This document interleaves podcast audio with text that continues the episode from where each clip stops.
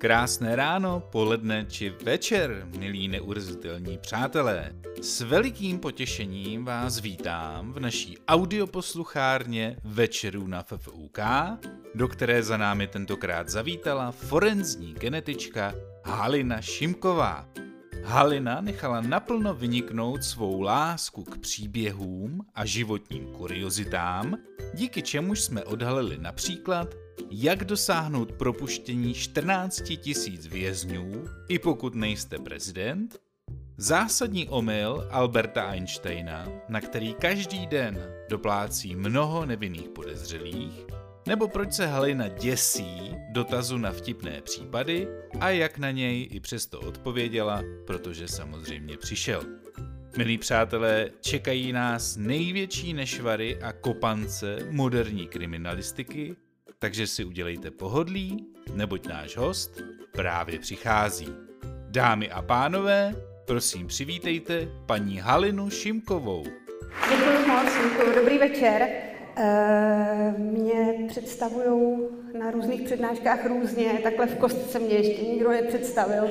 Asi poprvé cítím, že to je přesně to, co dřív má v mém nitru. Tak e, ale mám i nějaké světlé momenty ve svém životě. Eh, já dneska bych vám tady ráda eh, povídala chvilku o eh, kriminalistice, zejména o forenzní analýze. A chtěla bych vám ji ukázat v trošku jiném světle, než ji znáte z nějakých filmů a zejména z detektivek. Ale docela ráda bych, aby nakonec to neskončilo třeba nějakou živelnou cestou na ministerstvo spravedlnosti nebo něco takového. Takže prosím, i když budete mít pocit, že některé věci nejsou úplně v pořádku, tak eh, já se budu snažit to vždycky nějak vyvážit a ten pohled udělat takový nějaký jako celkový, komplexní. Eh, také jsem z dobrých důvodů eh, zvolila různé příklady, zejména ze zahraničí, protože tam se může stát všechno samozřejmě. Eh, a uvidíte sami.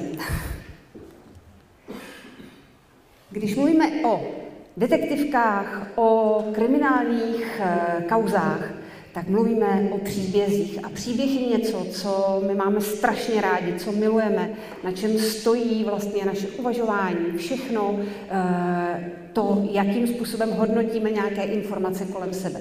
Zakládáme ty jednotlivé informace do nějakého kontextu a vyrábíme si nějaký příběh o tom, co se děje kolem nás. Stačí, když vám někdo dá tarotové karty a řekne vám, abyste si čtyři vytáhli a e, na základě těch karet začne něco vyprávět, nebo vy začnete něco vyprávět a hlava se sama rozběhne a začne sama vytvářet nějaký příběh. E, zbožňujeme je. Je to strašně důležitá věc, protože příběh byl vždycky klíčem k porozumění věcem. Potřebujeme přijít na příběh, protože pak rozumíme tomu, co věci kolem nás znamenají. Určitě znáte Kálišův trojuhelník, a eh, to, že je to jeden z takových těch jednoduchých optických klamů, kdy vidíme trojuhelník, který tam vlastně není, není tak úplně pravda. Protože eh, ve vývoji myšlení bylo strašně důležité pochopit, že ten trojuhelník tam je, že totiž vysvětlení tohodle, když vidíme něco takového, tak to nejpravděpodobnější vysvětlení je, že to je nějaký trojuhelník, který položil někdo na nějaké oválné předměty černé. Když pochopíme, že to je vlastně nějaký malinký příběh, tak porozumíme mnohem víc, než když se budeme dívat na věci kolem sebe jako na nějakou nic neříkající bitmapu.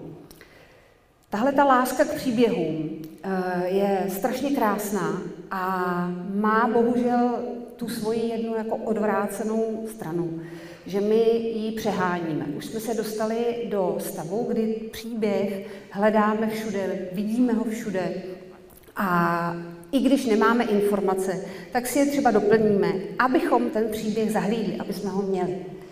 Eh, když píšete detektivku, nebo když točíte detektivní film, tak eh, to, co chcete, je krásný příběh. Příběh, který bude mít nějaký dramatický oblouk, ve kterém ty věci, které se tam na začátku v nějakých eh, ne, jakoby, situacích, ve, ve kterých jim ještě nerozumíte, objeví, tak se nakonec složí do nějakého krásného tvaru a vy odcházíte z toho kina a říkáte si, tak to byla pecka, jako to bylo krásný, jak se to všechno poskládalo. A čím víc se toho skládá a čím zajímavějším způsobem, tím víc vás to láká, tím víc se vám to líbí. Problém je, že skutečné detektivní příběhy nevypadají takhle, ale vypadají takhle nějak. Eh, v tom příběhu je zapojená spousta věcí, které tak nějak drží pohromadě. Ale ve chvíli, kdy ten příběh skládáte, tak kromě těch kusů, které tam opravdu patří, máte k dispozici spoustu klacků a spoustu plechu a spoustu dalších informací, které jsou z úplně jiného příběhu a které s tím vaším nemají žádnou souvislost. Jenomže to v tu chvíli nevíte. Eh, stejně tak nerozumíte správně dost často eh, těm jednotlivým postavám v tom příběhu, protože si je zaměňujete za ty krásné archetypy, které známe eh, ze všech možných, ze všech možných eh, knih, filmů, divadelních her. Když vezmeme třeba Jungovy archetypy, tak ve chvíli, kdy se řekne forenzní expert, ten, kdo má možnost dělat analýzu DNA a rozklíčovat podobu otisků a podobně, tak to je pro nás úplně jasná dvojka. Je to kouzelník a je to mudrc. Jsou to lidé, kteří disponují nějakými mimořádnými schopnostmi a dovednostmi, jsou vševědoucí, všemohoucí v rámci toho příběhu a mají hlubokou zkušenost a dokážou tomu porozumět. Tahle ta licence, kterou si na ně vtahujeme, vede k tomu, že si vůbec nedokážeme uvědomit, že část z nich jsou nekompetentní pitomci. A že jejich výkon potom e, při té práci bude tristní, nebo že bude aspoň zatížen nějakou chybou, která je nám prostě lidská.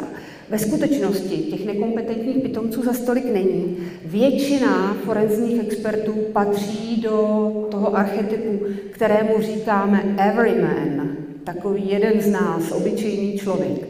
Většina forenzních expertů jsou forenzní, eh, jsou obyčejní lidé a z toho vyplývá všechno to, co se ve skutečnosti děje při nějakém vyšetřování a při skládání toho příběhu. Tak uh, asi pozveme tady prvního hosta, aby nám k tomu něco řekl. To je Adam Scott.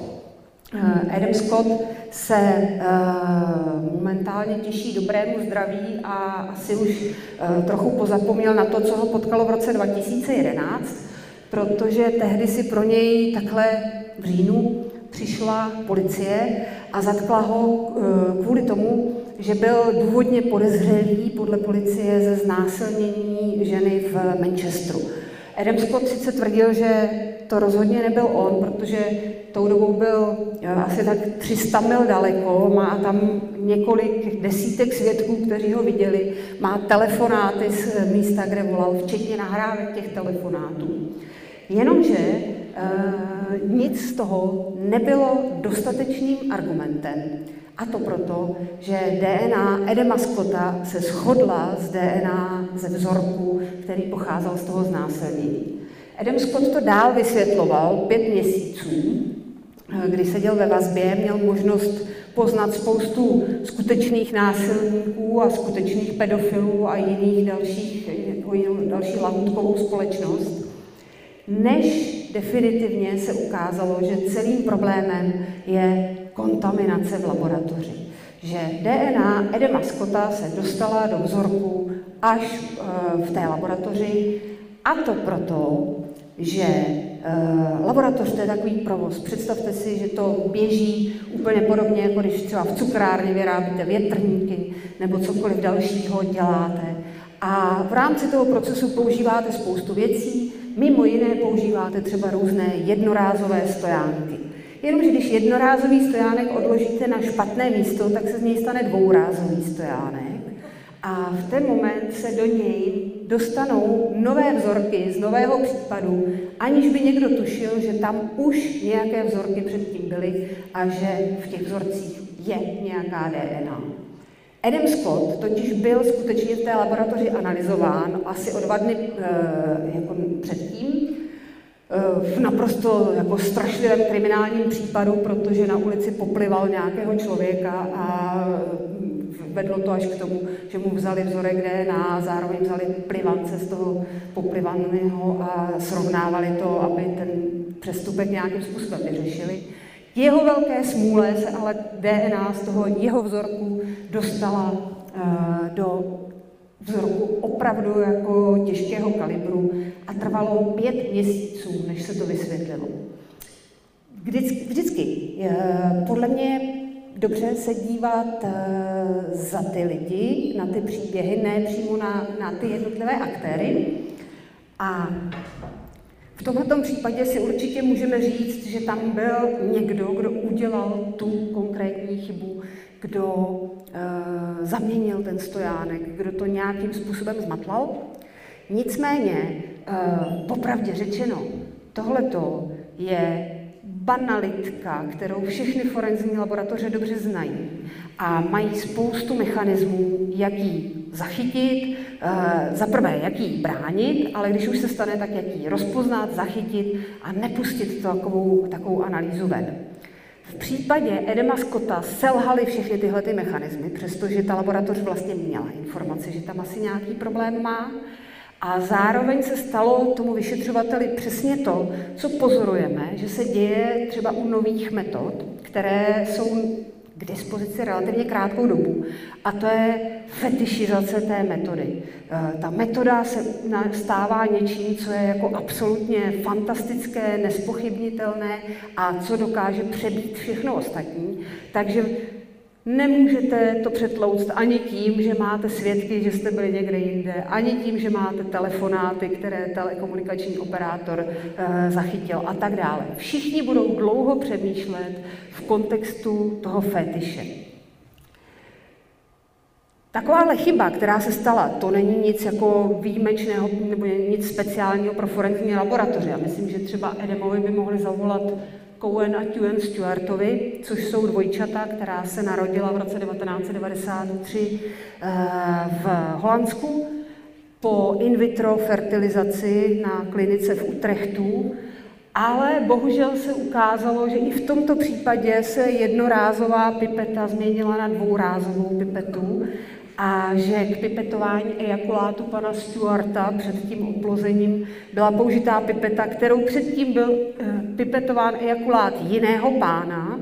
Eh, k velké smůle té kliniky to byl pán úplně jiné barvy pleti, eh, takže ve chvíli, kdy se ti kluci narodili, tak ta maminka na porodním sále říkala, že ten jeden vypadá nějak jinak, že je nějaký moc tmavý a protože na místě byl expert, tak to lékař taky vysvětlil, že to je novorozenecká žloutenka, že si nemá plést hlavu, čím nemá. A novorozenecká žloutenka ale nepomíjela,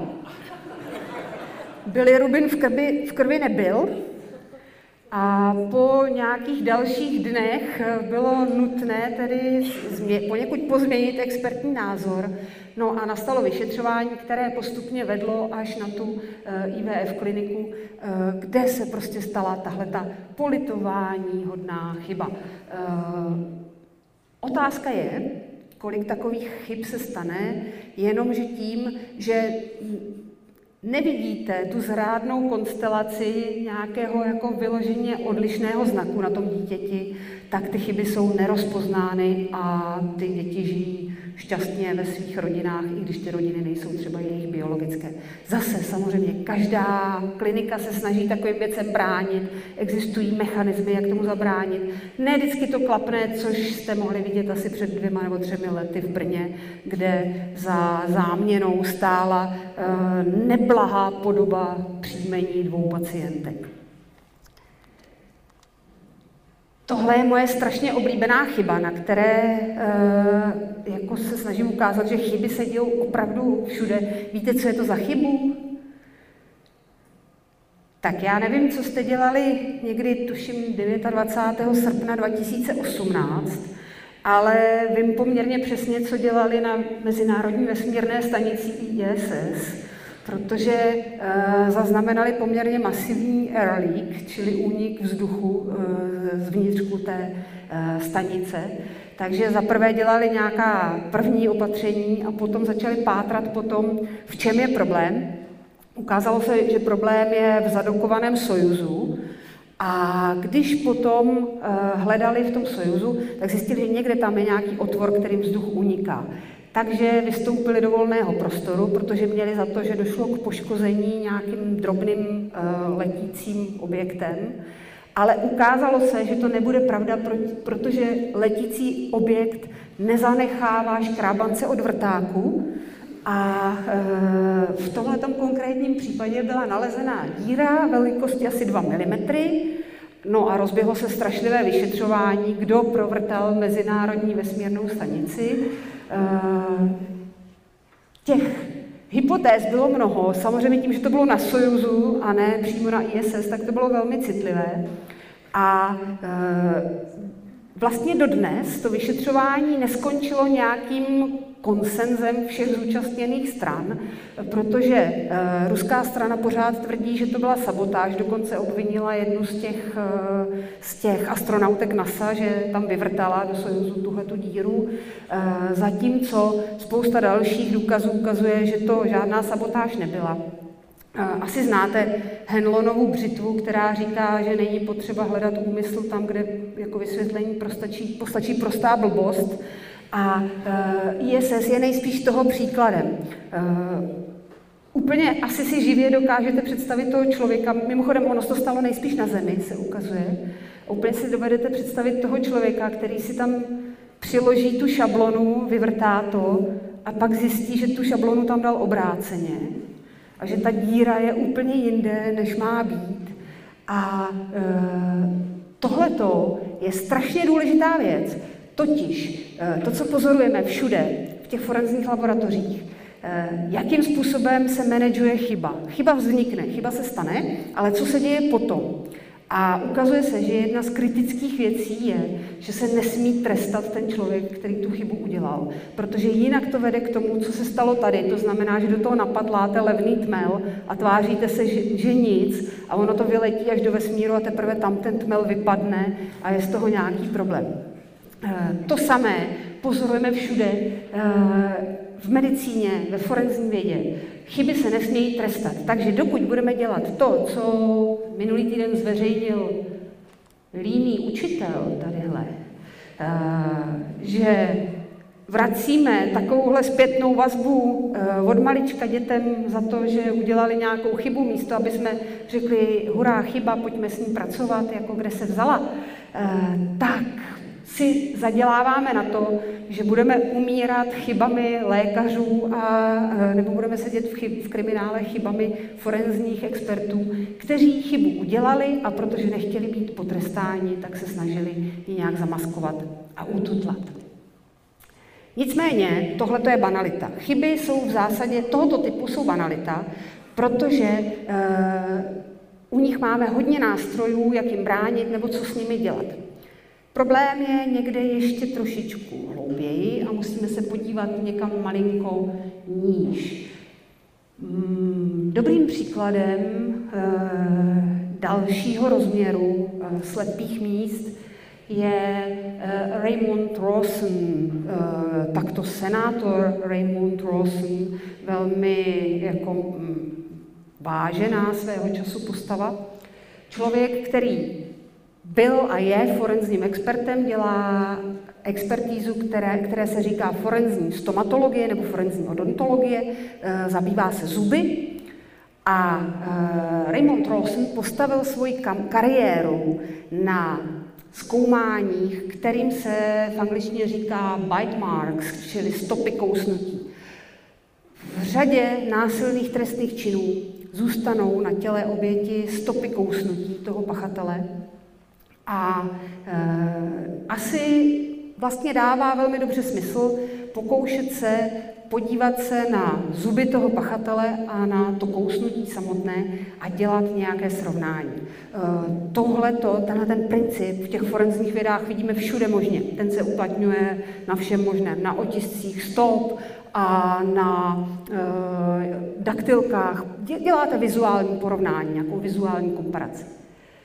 Problém u bite marks je, že ve chvíli, kdy se to zkoušelo už někdy v 60. 70. letech, tak se ukázalo, že ta metoda hodně výrazně selhává, protože podoba toho otisku po, na té kůži se dost významně mění. E, nejde ji vlastně zachytit úplně přesně tak, jak tam ten otisk vznikl.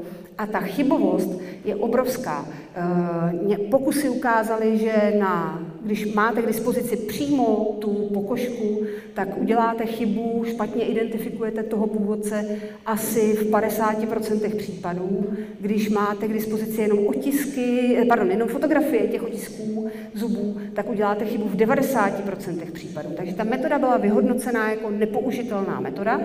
Nicméně to nevadilo Raymondu Rosnovi o nějakých pár let později říct, že to je jenom tím, že ty, co dělali ty pokusy, jsou idioti a on to umí mnohem lépe a tu metodu znovu zavedl a vypracoval celý ten systém. Vydával spoustu uh, posudků na srovnání otisků a řada těch lidí, kteří byli na základě těchto těch uh, jeho posudků odsouzeni, tak uh, dostala doživotí nebo elektrické křeslo nebo cokoliv dalšího. Teprve, když začal v Americe program Innocence, ve kterém je snaha revidovat případy, které jsou nějakým způsobem sporné, tak začali brát e, třeba zajištěné stěry z těch kousnutí a zpracovávat je analýzou DNA, což v době, kdy to Rawson dělal, ještě nebylo možné. A najednou se začalo ukazovat, že ti pachatelé jsou úplně jiní lidé, než ti, kteří za ten skutek sedí, nebo ti, kteří už za něj byli popraveni. Přesto ta metoda Tady byste si asi řekli, že jako zmizí z povrchu zemského a rosna budou někde vláčet. Nestalo se to, protože ta komunita má tak strašlivě silnou, silné postavení mocenské, že došlo jenom jako k velkému potlačení používání bite marks, ale i v současné době existují soudy v Americe, které tu metodu připustí jako, jako metodu eh, komparační. Je to příklad toho, kdy není problém v nějaké chybě, je problém v celé metodě a je problém v tom, že její nositelé odmítají vlastně tu metodu projít nějakou standardní revizí té metody a podat nějaké, nebo jako mm, počkat na nějaké smysluplné důkazy nebo na nějaké důkazy, že ta metoda funguje. Eh, strašlivě smutný případ, ke kterému nemám žádný vtipný komentář, je případ eh, doktora Roye Meadowa, eh, přesně řečeno případ ženy jménem Sally Clark. Sally Clark se stala ta těžká věc, že jí ve dvou letech po sobě zemřely dvě děti na uh, syndrom náhlého umrtí kojence. Uh, a v téhle situaci, kdy jí zemřelo druhé dítě, tak uh, byl jako znalec v té věci, protože to bylo druhé umrtí, dotázán Roy Meadow, co on jako expert o tom soudí. Tady je potřeba říci, co byl Roy Meadow, nebo co je Roy Meadow uh, zač jako expert. Uh, je to lékař, který se už jako poměrně brzy ve své kariéře začal věnovat zneužívání dětí, uh, kriminalitě na dětech, začal se věnovat takovým těm syndromu barona Prášila v zastoupení. To je takové to, když rodič dítě poškozuje, eh, aby pak s ním obcházel doktory a oni ho léčili. Je to v podstatě jako duševní onemocnění rodiče a podobně. A e, zřejmě díky tě, téhleté problematice se Roy Meadow stal postupně člověkem, který považuje každého rodiče za potenciálního vraha svých dětí a nedokáže na tu věc vůbec nahlížet eh, nějakýma jako rozumnýma očima. Takže ve chvíli, kdy byl dotazován v případu Sally Clark, tak uh, uvedl, že uh, on už ve své, nějaké ve své publikaci psal, že jednou úmrtí dítěte v rodině je tragédie, dvě jsou podezřelé a tři jsou uh, bez pochyby vražda. A On eh, vlastně při tom svém svědectví uvedl, že prakticky je vyloučeno, aby dvě děti po sobě náhodně zemřely na eh, syndrom náhlého úmrtí kojence a Sally Clark byla, Clark byla na základě toho uh, odsouzená, odseděla asi čtyři roky ve vězení. Pak byl ten případ revidován, protože se vzedmula poměrně velká vlna odporu i mezi jinými forenzními experty, ale trvalo to dlouho. A nakonec tedy byla osvobozena a uh, asi za tři roky zemřela, uh, protože se ubila k smrti. Uh, byla to právnička, žena jako prostě bez, bez nejmenšího problému. Byla to žena, kterou osud zasáhl velmi těžce a následně jí stačilo prakticky jeden člověk, aby, aby jí dorazil úplně. Je to příklad toho, že pokud ten expert podlehne nějakému jako těžkému eh, nastavení mysli, které vztahuje na ty svoje případy, tak není schopen se vůbec vyjadřovat relevantně, protože se dívá na svět nějakým úplně jako pokrouceným, pokrouceným zrcadlem. Tak, eh, k něčemu veselější, a tím veselějším, jak se to vezme, je Annie Dukenová, protože Annie Dukenová to je jako, eh, jestli někdo ještě někdy dokáže to, co dokázala Annie Dukenová, tak eh, budeme překvapení. A přitom to byla taková jako jednoduchá věc. Eh, Annie byla od roku 2003 zaměstnaná v Hinton State Laboratory v Massachusetts a dělala analýzu drog. Analýzu, byla forenzní chemička, dělala analýzu stop všechno běželo, jak mělo, nic se nedělo. Až teprve v roce 2011 ta laboratoř přešla z, uh, spod vlastně medicínského departmentu do policejního departmentu a začaly se dít nějaké změny v tom, jakým způsobem ta laboratoř funguje. A přitom se ukázalo, že Eni udělala jakýsi prohřešek proti pravidlům, protože si tam vzala nějaké vzorky, které si neměla brát a podepsala tam toho manažera vzorků. Eh, v zásadě zase banalita. Eh, nicméně rozběhlo se nějaké vyšetřování a najednou se začalo ukazovat, že s Eni to bude asi složitější, protože má různé neobvyklé pohyby těch vzorků a vlastně celé je to divné, protože zatímco ostatní forenzní experti dělají tak 100 vzorků měsíčně, tak ona dělá 500 vzorků měsíčně. A kolegové se najednou rozpovídali, že ji vlastně vůbec nikdy neviděli u těch přístrojů a že ona s nimi vůbec nemluví a Celé to jako začalo, jako když uvidíte drobonkou škvíru, tak si myslíte, že jí trošku, jako se do ní jenom podíváte a zjistíte, že pod tou škvírou je obrovská puklina, která vede až do prostřed vesmíru. Ukázalo se, že Annie Dukenová e, za těch 8 let žádný vzorek neanalyzovala, protože to neumí, protože není chemička. E, svůj diplom si povyrobila, při, e, přihlásila se jako, jako expertka, vzali jí a protože musela něco dělat, tak si výsledky těch analýz vymýšlela.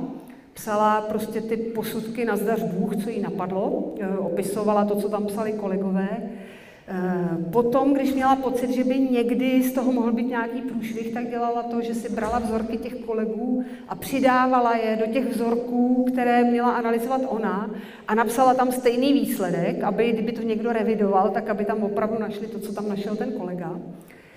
A celá kauza skončila tím, že Annie se zhroutila, dostala tři roky a soudy měly hodně práce s tím dát dohromady, kterých všech případů se tahle ta její kauza dotkla. Ukázalo se, že jsou to případy, které se týkají asi 20 tisíc lidí a nějakého 28. dubna, tuším 2017, muselo být těch 14 tisíc, kteří ještě seděli, propuštěno najednou. Eh, to znamená, otevřely se brány věznic a všichni tihleti lidé, z nichž valná část byli opravdu drogoví díleři, protože ty vzorky skutečně obsahovaly, eh, když někomu zabavíte psaníčko s bílou krystalickou látkou, tak tam většinou nemývá cukr. Ale protože ty analýzy byly takhle sfušované, tak nebylo možné už jim to jako relevantně dokázat. Následně obrovsky vzrostla kriminalita, protože když vás pustí z kriminálu jako dílera a vy se vrátíte a zjistíte, že váš rajon už mezi tím obhospodařuje někdo jiný, tak je z toho mrzení a je z toho nějaký konflikt. Takže vzrostla taková ta násilná kriminalita mezi těmi drogovými dílery. Tak to se povedlo Eni a uh, Nakonec z toho vyšla výborně, protože to za spoustu pro peněz prodala jako práva pro Netflix.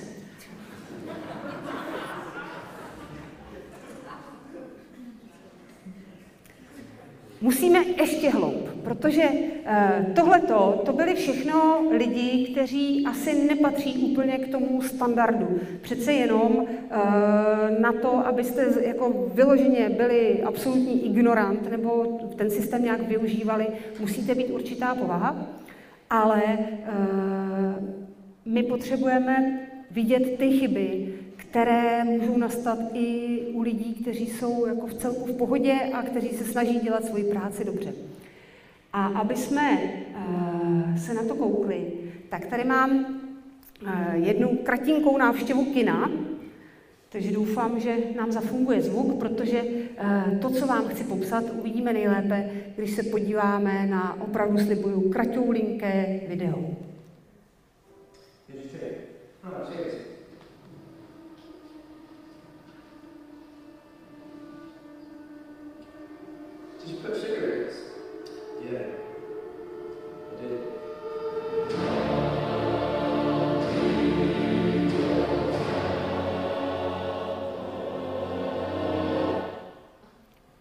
Tak, uh, asi máte nějaký svůj dojem a pocit z toho, co se děje v té scéně. Tak zkusme ještě jednou s trochu jinou muzikou. Yeah, I did.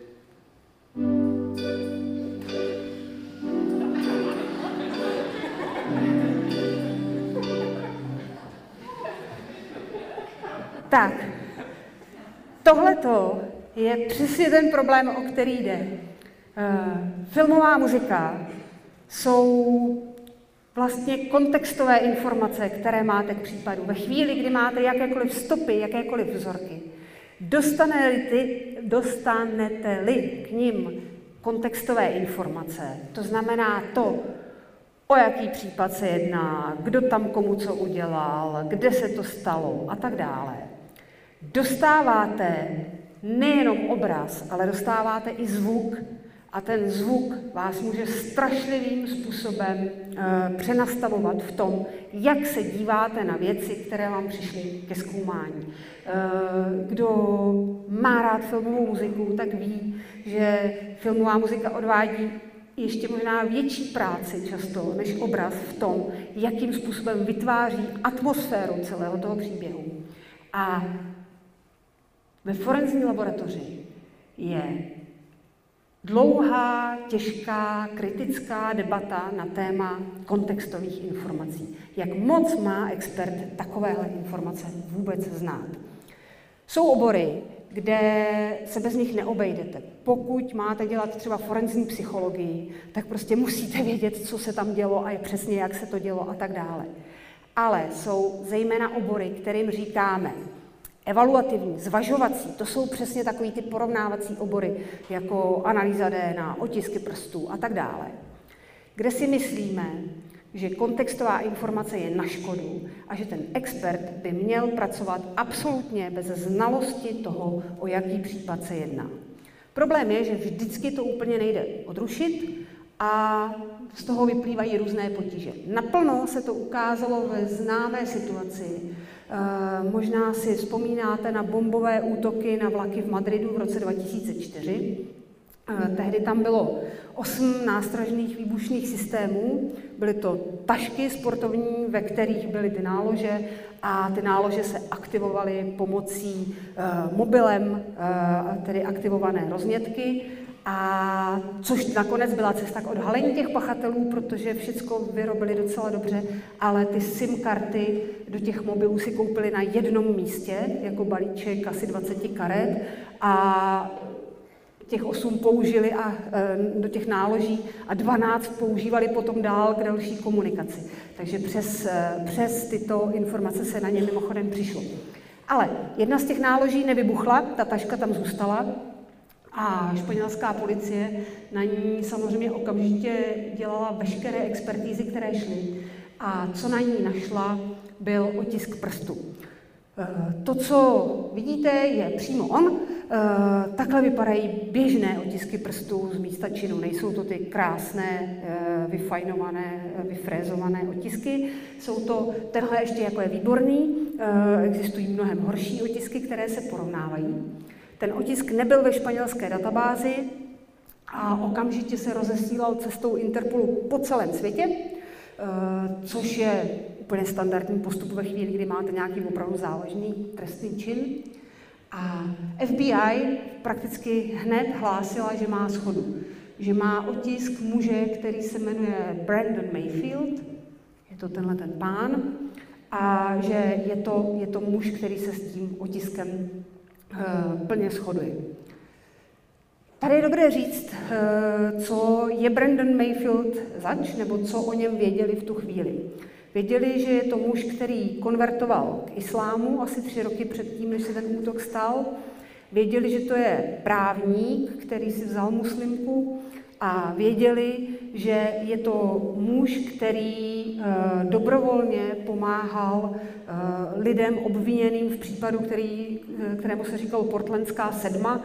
Bylo to sedm mladých lidí, kteří se poměrně brzy po 11. září rozhodli odcestovat a stát se členy Al-Kaidy, ale byli zachyceni tajnou službou ještě dřív, než odjeli a rozběhla se nějaká kriminální kauza kolem toho. Tak a tenhle ten člověk byl takto zachycen, eh, byl zadržen, vyslýchán.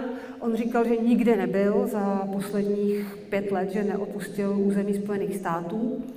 A španělská strana si vyžádala tu schodu, ten otisk eh, k vlastnímu porovnání a prakticky okamžitě hlásila FBI, že to není on, že ten otisk není schodný, že je podobný, ale není to schodný otisk. Nicméně FBI trvala dalších poměrně asi 14 dní na tom, že to Brandon Mayfield je a držela ho zadrženého. Do té doby, než se Španělům právě díky těm simkám podařilo přijít na muže jménem Ouhání Daud, který byl skutečným původcem toho otisku a byl to skutečný autor tedy té nálože, eh, která nevybuchla v tom vlaku. Proč se to stalo? Eh, co se vlastně stalo? Eh, stalo se to, že forenzní expert, který ten případ dostal, tak měl okamžitě veškeré informace o tom, co je to za otisk, co srovnává, uh, už to samo na vás vytváří obrovský tlak, když to víte, jak to je.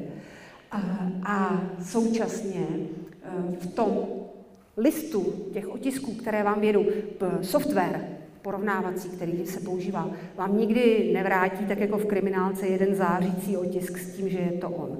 Vrátí vám třeba 20 nejpodobnějších otisků a mezi těmi 20 ten Mayfield byl asi pátý. Takže v té databázi FBI bylo ještě, byly ještě čtyři otisky, které byly podobnější tomu otisku, než byl otisk Brandona Mayfielda. Takže v, v takovou chvíli, vlastně v normální kauze, kdyby to bylo ukradené kolo v, dole ve sklepní koji, tak nebude co řešit a ten expert okamžitě uvidí, že to není ten samý člověk. Jenomže kontextová informace v tomto případu byla tak silná a ten Mayfield tak perfektně zapadal do obrazu toho, koho hledají, že to přesvědčilo hlavu toho forenzního experta, že má vidět schodu tam, kde nebyla. Na tenhle případ navazuje další věc. Navazuje na něj uh, pokus, který udělal uh, profesor neurobiologie T.L. Dror uh, z University College London. A to proto, že se celkem náhodně bavil se svým kamarádem daktyloskopem a ten mu vyprávěl právě o kauze Mayfield. A Itiel eh, na to říkal, no ale to musí být jako strašně silný jev přece tohleto, že ta kontextová informace hrozně změní to, co si ten expert myslí. A na konci oběda už byli domluveni, že to nějakým způsobem vyzkoušejí. Takže udělali jednu habaďuru, eh, vzali si od expertů, od pěti expertů, kolegů toho dotčeného, asi s ním doteďka nemluví, tak si vzali pět nějakých starých případů, případy, které se staly pět let předtím, takže ty experti už vůbec nemohli jako mít žádnou představu o tom, že takový otisk už někdy viděli. A bylo to pět případů, kde v rámci toho případu vždycky se shodla stopa s osobou. A byla to jako správně určená schoda. Takže si představte, máte pět expertů, každý má svůj starý případ, ale neví, že je to jeho starý případ. A je to případ, ve kterém se stopa opravdu shoduje s tou osobou. A oni jim to dali, ale dali jim to s legendou, že toto jsou otisky z případu Brandon Mayfield. Že tohleto je otisk z místa činu a tohleto je otisk toho Mayfielda. Takže ti experti se dívali na otisky, které už hodnotili, shodovali se, ale dívali se na ně s informací, že jsou to otisky, které by se neměly shodovat, protože jsou to otisky z případu Brandon Mayfield.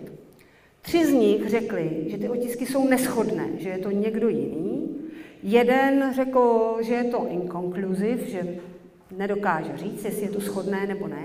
A jenom jeden přišel s tím, že řekl, no ale ty otisky prostě schodné jsou. Co se na tom ukazuje? Ukazuje se na tom, že disciplíny, které máme jako za strašlivě perfektní v tom, jak skvěle fungují a jak jsou přesné, jsou zároveň obrovsky citlivé na spoustu dalších věcí a jednou z nich jsou právě kontextové informace. Takže nevědět nic je nuda v té forenzní laboratoři, ale je to nejbezpečnější cesta, jak nedělat chyby. Jak vlastně máme na toho experta koukat? To je dneska jako to, to hlavní téma. A Většina lidí se shoduje na tom, že je nejlepší na něj koukat jako na black box, jako na černou skřínku, jako na přístroj nebo jako na nějaký tester, eh, do kterého něco hodíte a něco z něj vypadne. Nějaká informace a nejlepší je ho nějakým způsobem otestovat. Eh, což je pro mnoho expertů překvapivá věc. Eh, taky mimochodem, já když třeba se zeptám studentů svých, říkám jim, jak poznáte, že někdo je expert, jako, že rozumí tomu, co dělá. Tak úplně první a úplně nejčastější odpověď je, má na to papír nějaký. No, eh, svět je plný neblahých událostí, který způsobil někdo, kdo měl na něco papír.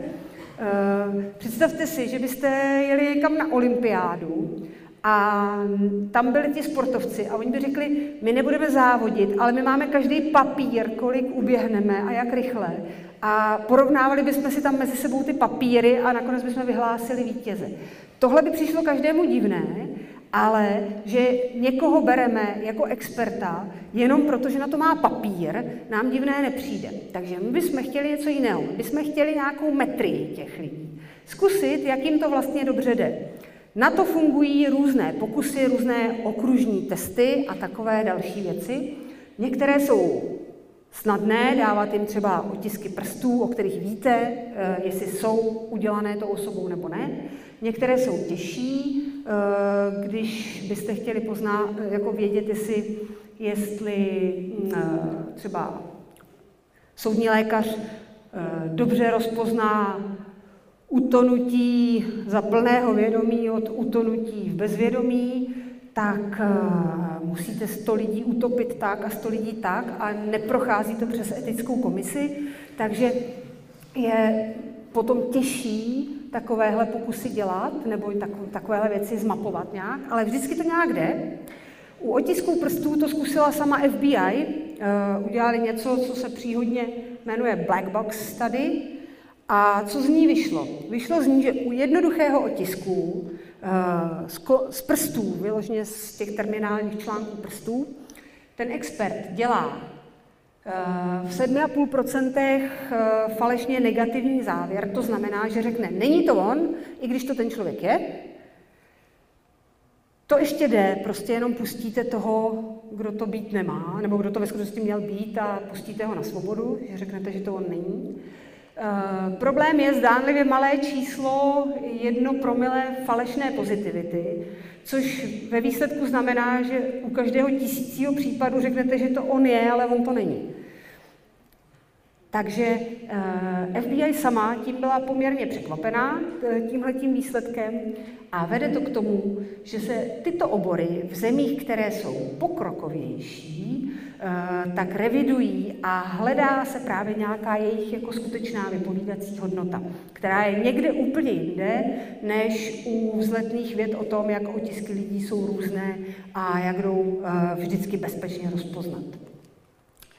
Eh, to, co u nich, u těch expertů vlastně jako měříme, jo, eh, jsou dva základní parametry. Za prvé, jestli ten expert po každé eh, se trefuje do stejného místa, to znamená, jestli jako ty jeho, i když dostane ten, tu samou věc vícekrát nebo dostane tu samou věc v různém kontextu, tak jestli ten jeho závěr je stejný, jestli, jestli jako ty jeho výroky jsou, jsou na stejném místě v nějaké škále, nebo jestli jsou výrazně víc rozptýlené, tomu říkáme šum toho, eh, toho zkoumání.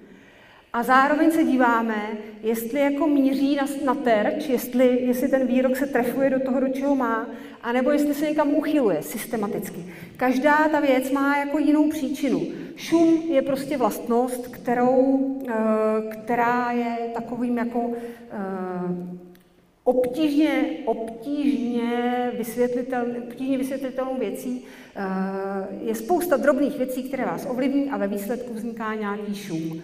Kdežto když jste uchylní určitým směrem, tak to znamená, že je tam nějaký jeden stálý systematický faktor, který vás vede k tomu ten výrok eh, komolit nějak, ně, jako vidět, nějakou, vidět něco eh, jinak, než to je.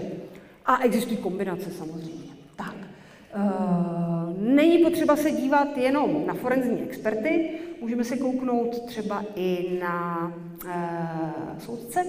Udělal to soudce Marvin Frankel uh, a hodně lidí s ním potom nemluvilo, protože už v roce 1973 uh, si řekl, no a jak vlastně vypadají výroky těch soudů.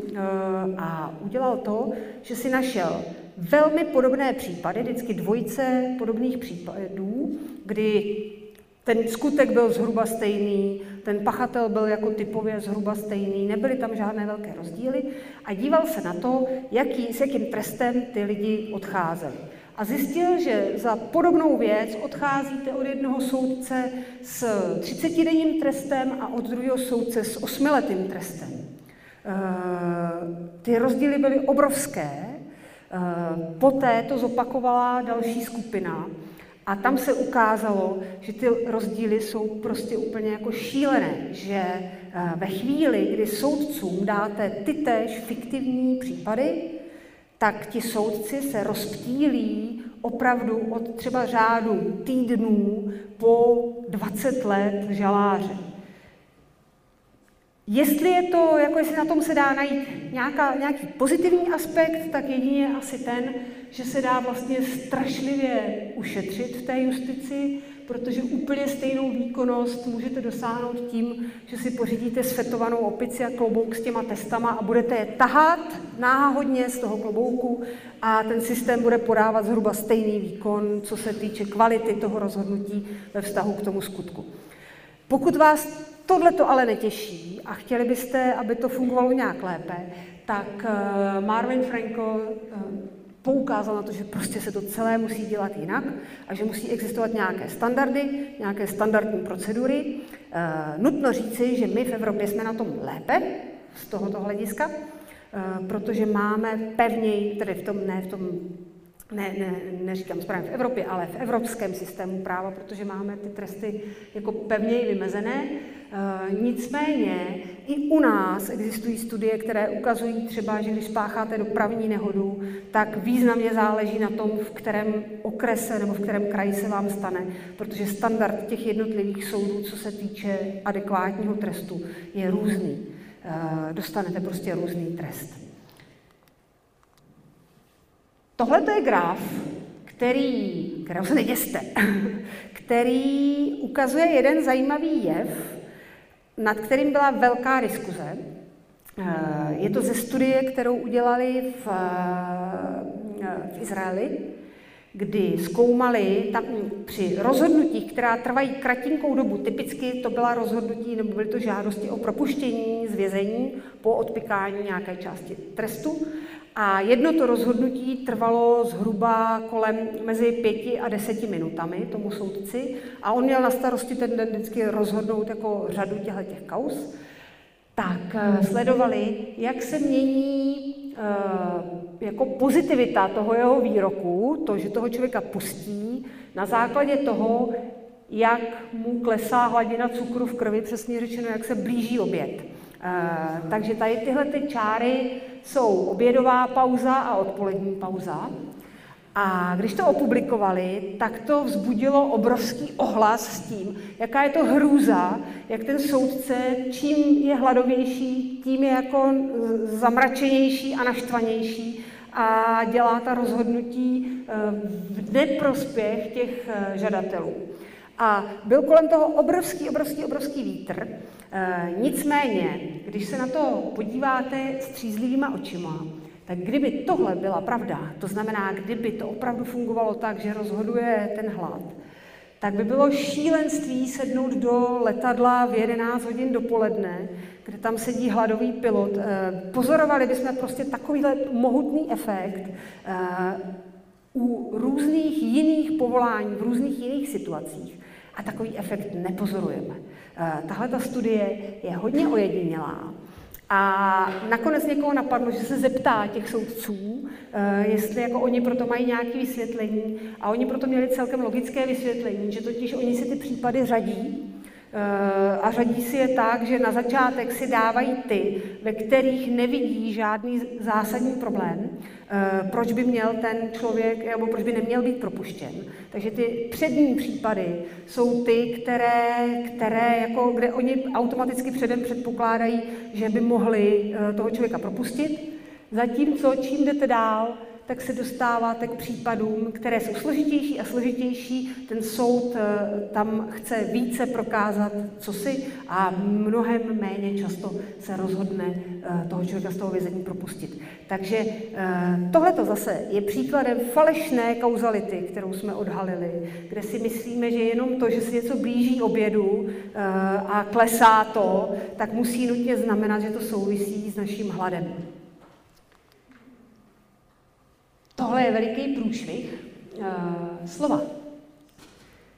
Totiž my strašně často používáme k vyjadřování nějakých pravděpodobností slova. Říkáme mezi sebou slova a máme tím, co si na mysli. Jenomže, jak už ukázal Sherman Kent v Americe, nebo jak ukázala tahle ta studie, která je z 1. října opublikovaná teďka, takže uh, studie velmi, velmi mladá na tisíci lidech.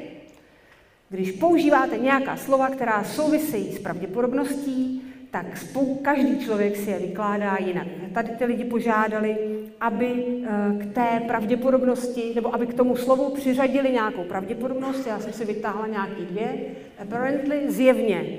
Když někomu řeknete, že něco zjevně je nějak, tak pro někoho je to na úrovni 25, pro někoho na úrovni 50, pro někoho na úrovni 75 eh, a pro řadu lidí je zjevně prostě jistota.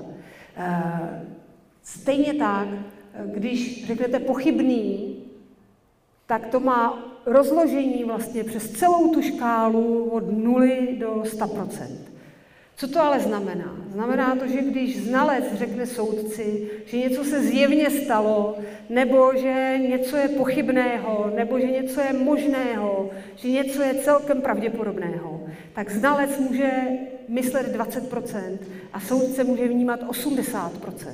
Eh, slova jsou strašně špatný nástroj pro sdělování takovýchhle věcí, protože můžou obrovsky, obrovsky klamat. Taky záleží na tom, jak je informace strukturovaná. Eh, stává se, že když přijde informace jako v jiné struktuře, tak ten soud ji vnímá úplně, úplně jinak než eh, za normálních okolností. Jo? A přitom s tou informací se zdánlivě jako nic nestalo, ona je furt ta samá, jenom, jenom ji tomu soudu dodáte, uh, dodáte v, jiném, v, jiném, v jiné struktuře a on ji pochopí úplně jinak. Víme třeba, že strašlivě záleží na pořadí expertů, jak vystupují u soudu, protože první expert nastavuje nějaký jako směr myšlení toho soudu a ti další, pokud říkají něco jiného, tak už jsou jenom otravní potížisti v tom uh, kontextu. Takže je hrozně důležité, aby ten soud dokázal nějak všechny ty informace jako vnímat, vnímat dohromady. Problém je ale ještě hlouběji. Eh, bohužel eh, ani tohleto všechno, co ještě jsme schopni nahlédnout jako a pokývat, že to tak jako je a že, že se s tím asi by mělo něco dělat a že je vhodné se nějak tomu přizpůsobit, neukazuje ten hlavní problém, který je v hodnocení váhy veškerých důkazů. A ten hlavní problém je tady na tom obrázku. Eh, představte si, že jste tenhle ten kluk, který sedí za zdí, dívá se tady na eh, basketový koš a za tou zdí jsou vaši dva kamarádi a jeden z nich je takový jako už větší, zkušenější a když hází míč přes tu zeď eh, do toho koše, tak se trefí poměrně často, trefí se třeba v 60, v 70% hodů. Ten druhý je uh, mnohem menší, mnohem méně šikovný a koš trefuje uh, v jednom případu z 20 třeba. A vy sedíte a díváte se, nevidíte, kdo hodil, ale měli byste to říct, měli byste odhadnout, kdo z nich házel. Eh, když se na to takhle podíváte, vidíte, že míč propadl tím košem, že se někdo trefil, tak si řeknete, dobrý, tak eh, to mnohem pravděpodobněji byl ten starší, který to umí a který hází dobře, než ten prcek. Ale v téhle úvaze vůbec nezvážíte to, že se možná může dít taky to, že ten velký je línej a hází jednou za minutu jeden balón, zatímco ten prcek je snaživý a mrská tam jeden balón za druhým a těch balónů od toho prcka tam letí za tu minutu třeba 20 nebo 30. A v takový moment přestává fungovat ta jednoduchá úvaha, že ten, kdo se častěji trefuje, je taky ten, kdo častěji tady hodil ten koš. Najednou se ta situace začíná měnit. Představte si, kdyby si ten velký sedl, vy to nevíte, a házel jenom ten malý, tak každý balón, který se trefí, bude od toho prcka. Ale to nepoznáte bez toho, aniž byste věděli, v jakém poměru vlastně ty prckové házejí, eh, nebo ty kluci házejí. Tohle je základní problém hodnocení váhy nějakých důkazů, protože my se nemůžeme dívat jenom na to, jak často se stane, že uh, někdo zanechá krevní skupinu A uh, na místě činu versus to, že někdo jiný zanechá krevní skupinu A na místě činu. Nemůžeme se dívat na to, jak časté je to, že ten, kdo rozbil okno, má na sobě mikrostřípky eh, skla, vůči tomu, jak časté to je u někoho, kdo náhodně jenom, nebo kdo jde prostě normálně po ulici, když se na něj podíváme, jestli bude mít taky nějaký střípky nebo ne. Ale musíme zároveň k tomu vědět, jak pravděpodobné je, že ten, koho testujeme, je ten, kdo okno rozbil, a jak pravděpodobné je, že to je ten, kdo okno nerozbil musíme vlastně kombinovat informaci o té analýze samotné a její vypovídací hodnotě s, s nějakou jako tou situací, s tím, jaký případ hodnotíme. Protože to zásadním způsobem mění tu vypovídací hodnotu. Tohle bylo úplně báječně, nebo je to báječně vidět na uh, testech na nejmenované infekční onemocnění, ve kterých uh, strašlivě záleží na tom, koho testujeme tím testem. Pozitivní výsledek u osoby, která má malilinkatou pravděpodobnost, že je opravdu nemocná, sice tu pravděpodobnost zvyšuje, ale u té osoby pořád zůstává pravděpodobnější, že nemocná není. Eh, to je základní problém celého tohohle konceptu. A na to, aby jsme to pochopili, nemáme v hlavě nástroj. Přesně řečeno, nemáme na to intuitivní nástroj. Musíme používat nějaké nástroje matematické a musíme poopravit Alberta Einsteina. Eh, určitě znáte jeho slavný výrok, že Bůh nehraje s vesmírem v kostky, Eh, protože Albert Einstein se vzpouzel tomu, že by do něčeho mohla zasahovat nějaká náhoda a nějaká pravděpodobnost a neurčitost. Už tehdy ho opravil Niels Bohr, řekl mu, aby laskavě neříkal Bohu, co má se svými kostkami dělat. A dneska víme, že Bůh v kostky hraje, že pravděpodobnost a všechno, co s ní souvisí, je strašně důležitá věc a musíme s ní umět pracovat, ale že s pracovat jde, že s tou hrou v kostky můžeme nějak pracovat, protože my sice nevíme, co padne, ale víme, jakými pravidly se ta hra řídí. To něco, co používáme, a to je vzorec, který jsem si neodpustila, eh, je nástroj, kterému říkáme Bejzova věta, Bejzovská pravděpodobnost, eh, Bejzovská logika, který umí přesně tohleto, umí kombinovat v sobě informace v té forenzní vědě, informaci o stopách, o důkazech, které zkoumám, s informací o případu jako takovém a o hypotézách, které v tom případu mám. Jmenuje se po Tomasi Bejzovi, to je tenhle ten pán, přesně řečeno to není tenhle ten pán. Eh, tohle je mem, portrét, který najdete, když napíšete do Google Thomas Base, tak vám vypadne miliarda těch portrétů. Problém je, že to Thomas Base není, eh, protože skutečná podoba Thomase Base známá není a tahle ta, tenhle ten obrázek se objevil až v roce 1927 v nějaké publikaci o použití pravděpodobnosti v pojišťovnictví v Americe, v nějaký brožurce. Eh, nikdo neví, kde se tam vzal, a můžete najít webovky, kde, když zjistíte, kdo to je tenhle chlápek, tak dostanete, vyhrajete asi 10 tisíc dolarů, protože je na to už poměrně vysoká sázka. Eh, pořád se neví, odkud se ten obrázek vzal, takže se ani neví, kdo na něm je. Nicméně podle oděvů a dalších věcí se zdá, že to určitě není Thomas Base. A zase si neodpustím svůj soukromý tip, kam vedou nitky, podle podoby, protože eh, když se na to podíváte, tak to je prakticky to tež. Eh, přechod na Bejzovskou logiku ve forenzních vědách strašně bolí, je kolem toho strašně moc mrzení, e, nikomu se do toho nechce, protože je daleko lepší být expertem a říkat, jako, že to je všecko v pohodě a že tomu všemu rozumím, než evaluovat věci takovouhle cestou. E, nicméně my máme zářný příklad, který to celé tahne, e, protože forenzní analýza a vůbec justice jako taková má starší, takovou jako uh, mentální starší sestru, ve které se dějí stejné věci, a to je medicína. Uh, jo, tohle ještě jsem zapomněla. Ano, to, to je současná situace. Pra, spravedlnost začíná zjišťovat, že to, co má na těch vahách, jsou ve skutečnosti nějaké matematické vzorečky, se kterými má umět pracovat. Ale naše starší sestra medicína je uh, opravdu jako tahounem, protože v medicíně se děli a dějí stejné věci, ale dějí se uh, s nějakým předstihem oproti justici.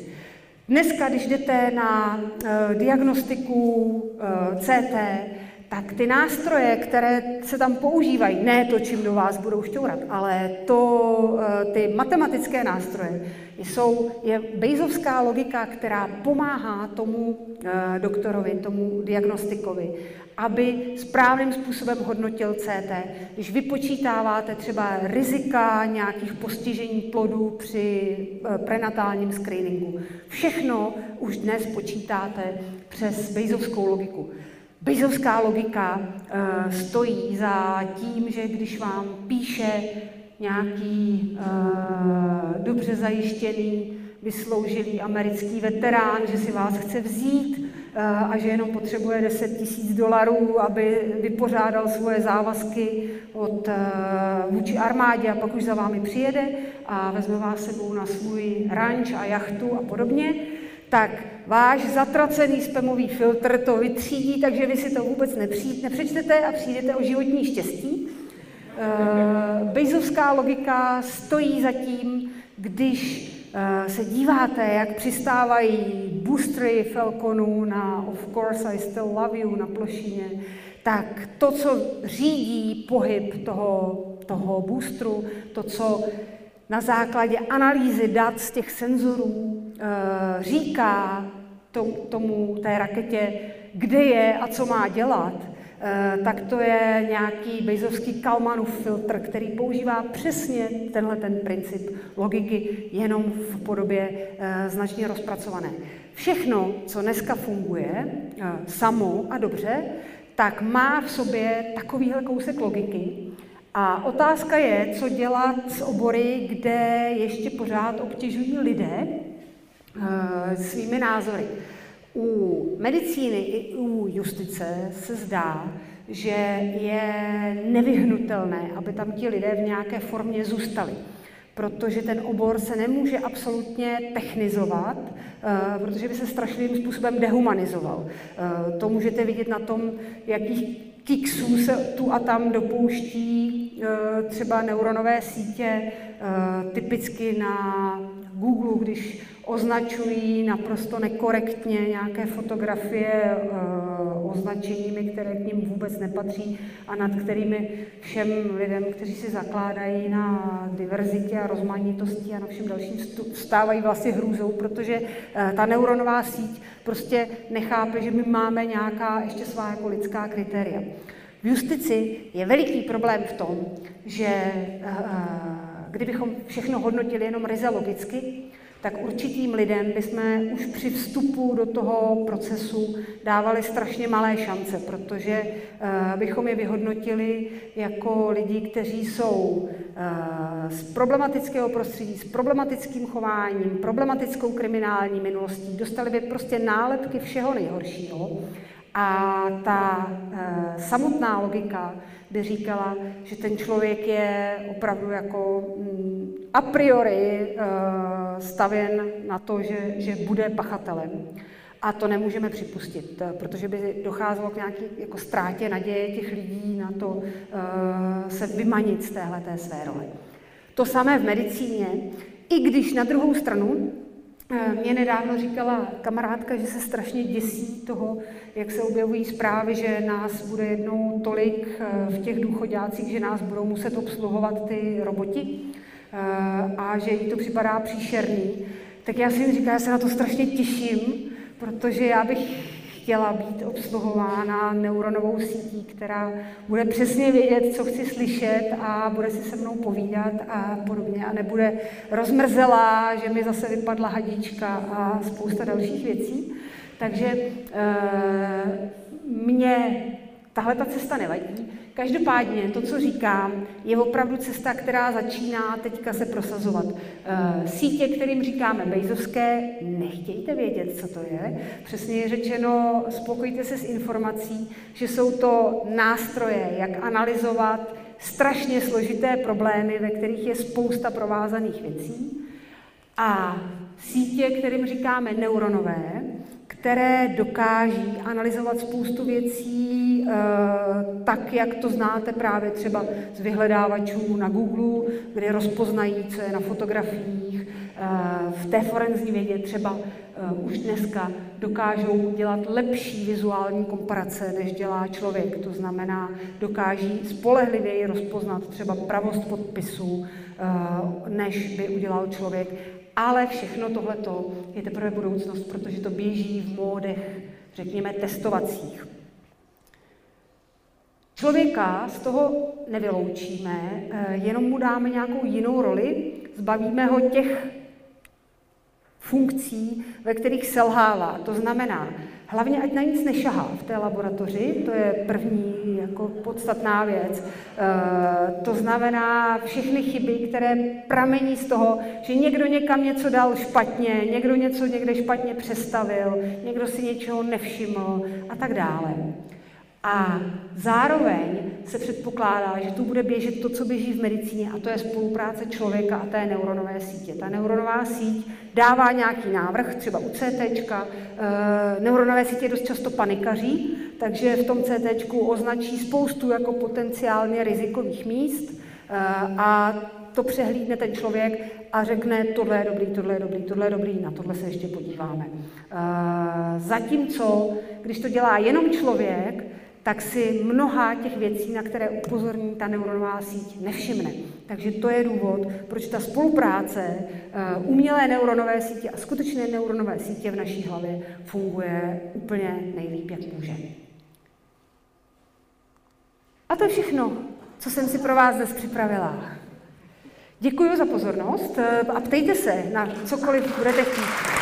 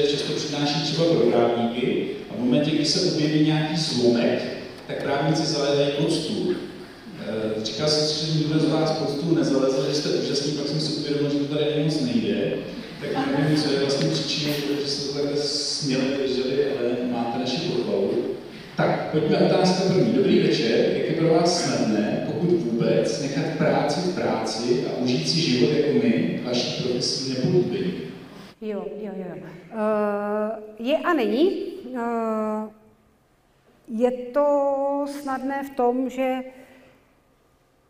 já jsem asi od přírody člověk, který si věci nebere tak, jako že by se jima nějak hluboce trápil, nebo spíš, jako že o nich přemýšlím, ale uh, mně se líbí ten svět jako ze vším všudy, co v něm je, takže mě eh, ty složité věci, nechci říct, neděsí, ale, ale kromě toho, že mě určitým způsobem děsí, tak mě zároveň zajímají. Takže to je uh, asi dobrý vklad k tomu tohleto dělat. Uh, to, že se musíte naučit to nějak oddělit, to určitě musíte. Musíte se naučit pracovat s vlastní emocí ve všech směrech. Uh, když po dlouhé práci dostanete nějaký profil a sedíte u databáze a zjistíte, že tam je ten člověk, který ho zanechal a je to nějaká opravdu kauza, která je nepěkná, tak se vám v tu chvíli určitě vyplaví endogenní opiáty a říkáte si, mám tě hajzle. A tohle to nemáte dělat a je dobrý se od toho oprostit, eh, což se lidi učí eh, a celkově u mě jako převládá potěšení z věci, a další věc je, že po dlouhých, dlouhých, dlouhých letech v práce v laboratoři jsem ji vyměnila právě za to, že se snažím eh, třeba právníkům vysvětlovat, co by si měli myslet o tom, co jim dáváme a vůbec eh, učit věci eh, tak, aby ta analýza byla vnímána nějakým jiným způsobem. Takže tím jsem se dostala mimo tu laboratoř, po který se mi v něčem stýská a v něčem ne. Tak. Dobrý den, používáte při své práci také neuronové sítě či podobné technologie? Jenom tu vlastní tady uh, uvnitř uh, zatím, ale pravda je, že některé složité problémy, třeba v genetice, uh, smíšené stopy a podobně, se dneska začínají testovat, právě ty analýzy začínají testovat pomocí neuronových sítí, protože ty sítě, co máme svoje, tak jsou plné šumu, který znemožňuje to vidět správně. Tak, tady někdo zákazník, dejme si nějakou jednoduchou úlohu na BSovskou statistiku. Můžeme. Já jsem dneska 4 hodiny dopoledne týrala studenty bajesovskou statistikou e, takto případem vlků a vlkodlaků, kteří mají různě barevné oči a e, oni byli nuceni dělat e, poutníky, kteří procházejí lesem, něco je kousne a mají si spočítat, jestli to byl vlk nebo vlkodlak. A byli... Ze začátku je to bavilo, postupně jak kousnutí přibývalo, tak už je to bavit přestávalo a to počítání nakonec bylo, nakonec právě bylo těžké. Kdo chce něco spočítat? Kdo to byl? Anonym, anonym. To, to je snadný. A když se anonym přihlásí, tak anonymovi něco spočítáme. Najednou se nikdo neobjeví. Tady to nebylo úplně motivační pro vás, co se řekla. Počítali bychom něco úplně jednoduchého třeba. Možná, možná se dívá přes YouTube a, a to tedy si se nemůžu přihlásit. Tak nic, počítat nebudeme. Nebo to necháme na konec, všichni utečou. Nebudeme počítat. Něco spočítat, takže tak tady zůstaňte po konci přednášky, to si zvědavě vás tady bude. Dobrý večer, jak vypadá vaše laboratoř? Děkuji. Ah, tak, uh, moje bývalá laboratoř vypadá jako velký komplex laboratoří, protože jsem pracovala na kriminalistickém ústavu, kde je vlastně ta velká centrální republiková laboratoř. Eh, já konkrétně jsem dělala forenzní analýzu DNA, eh, dělám ji v nějaké formě dál, ale už ne v téhle laboratoři. A je to taková podtlakovo, přetlaková, mnoho, mohutně členěná komora obrovská, ve které se pohybujete z jedné koje do druhé a zpracováváte tam ty vzorky v nějakém sledu, eh, mimo jiné právě tak, aby nedocházelo k nějakým kontaminacím mezi těmi vzorky a podobně. Takže tady, jestli někdo máte, tam ruku, ještě tady máme někdo dotaz. A mikrofon, tak bych poděkoval přednášku, skvělá. Děkuji. Byla to smešť. Eh, Myslím si, že druhý dotaz, ale mít jeden dotaz. Když ráno vstanete, probudíte se, jdete do práce, do zaměstnání, eh, sedíte v tramvaji, v autě, vidíte okolo sebe Bajeziany, jako takový ty případy, příběhy, hodnotíte to? Děkuji. Jo, eh, dlouho se mi stávalo, že hlavně vidím ty stopy biologický. Eh, to, je, to je jako nepříjemný, protože k někomu přijdete domů a máte si sednout na sedačku v obýváku a říkáte, no, já si sednu o kousek vedle třeba, eh, protože samozřejmě jste na to jako vycvičený v tu chvíli, takže se potom koukáte a i takový to, že, že jdete po schodech do metra a říkáte si, to je krev, to není krev, to je víno, tohle je tohle. Uh, ale zbavíte se toho jako po nějaký době, je to, ono je to otravný celkem. Takže, takže to jako ztrácíte, ten senzor. A bajeziány, já doufám, že tam nějaký jsou v té tramvaji vždycky, protože to se... Nejlepší bajeziáni jsou děti protože oni ještě jako nejsou naformátovaný a když jim nějaký úlohy člověk dává, tak oni jsou schopní fakt jako úplně přirozeně přijít na to, v čem je ten fígl a kde by mělo být nějaký to řešení. Ale pak nás převálcuje uh, systém myšlení, který používáme a už se to, už se to dělá hůř. Takže, ale to mimochodem i Kahneman, Eh, přesně tohle to popsal. Oni dělali, dělali studie s dětma a děti, řekněme, do těch 10-12 let byly zdaleka nejotevřenější tomu pochopit, jako co a jak tam funguje.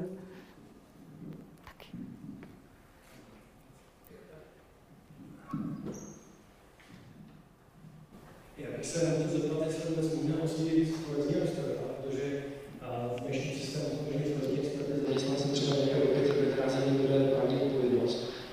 náctiletnou náručí jestli, jestli ten člověk systematicky jenom eh, vyloučí ze systému, anebo jestli se to vidí jen trestně, protože samozřejmě hodně těchto zaměstnanců eh, se zavedne pod koberec a nic se s tím neděje. Takže to byla jedna otázka.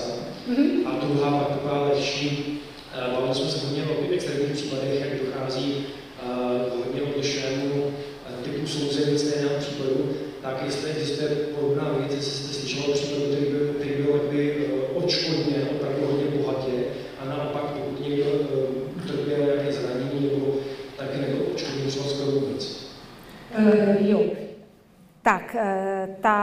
první otázka, co se děje, když se objeví chyba. Uh, moje zkušenost je, že to extrémně závisí na vůbec jako nastavení vztahů a funkčnosti těch vztahů uvnitř toho, uvnitř té organizace. Teď nemyslím úplně nějaký soukromý vztahy, ale vůbec jako ten systém. Protože Dost často to, co pozorujeme obecně v těch laboratořích, je snaha tu chybu ututlat, eh, ne třeba na úrovni toho experta, ale na úrovni toho vedení té laboratoře. Uh, to znamená, oni, oni se snaží o nějakou damage control, že prostě se snaží, pokud to jako jde, tak neříct, že se ta chyba stala. Proti čemuž ale dneska Eh, tvrdě jde akreditace těch laboratoří, eh, protože eh, většina laboratoří už je akreditovaná nějakou, nějakým jako akreditačním institutem. A v takovém případě se tohle to nesmí stát, protože ve chvíli, kdy se na to potom přijde, tak ta laboratoř přijde o akreditaci a pro ní už začíná být jednodušší teda tu chybu zmanagovat a říct, ano, stala se chyba a děláme s ní tohle, tohle, tohle, tohle, proto, aby o tu akreditaci nepřišla. Eh, ale eh, pořád je to tak, že lidi se snaží pokud možno tu chybu zamaskovat už na svojí úrovni a je, nebo vždycky ne, ale je, je relativně málo lidí, který, který jako úplně otevřeně přiznávají chybu eh, a úplně jako úplně spolehlivě řeknou, že ta chyba nastala. Eh, po, podle mého soudu. Samozřejmě eh, vlastně to, co vidíte, jo, tak vidíte ty chyby, které se nějak provalily. Vy nevidíte ty, který někdo zamaskoval a nic se nestalo, protože to zůstalo, uh, zůstalo skryto. Takže v tomhle je to těžké nějak hodnotit, ale já právě třeba tím, že že dělám vlastně pro Českou republiku akreditace forenzních laboratoří eh, pro analýzu DNA, eh, kde to znamená opravdu jako vidět do posledního papíru a posledního šuplíku té laboratoře, tak vidím, že se to za ty poslední roky mění právě ve vztahu k té akreditaci, že prostě chtějí radši tu chybu říct a chtějí s ní nějak pracovat. Co se týče těch odškodnění, není to úplně otázka na mě, protože eh, v zásadě každý, kdo tím systémem je nějak, má pocit, že je nějak poškozený, tak si o to očkodnění, o něj může nějakým způsobem bojovat. Eh, ale jaká je vlastně jako výkonnost toho, jestli se vám to povede nebo nepovede, to nevím.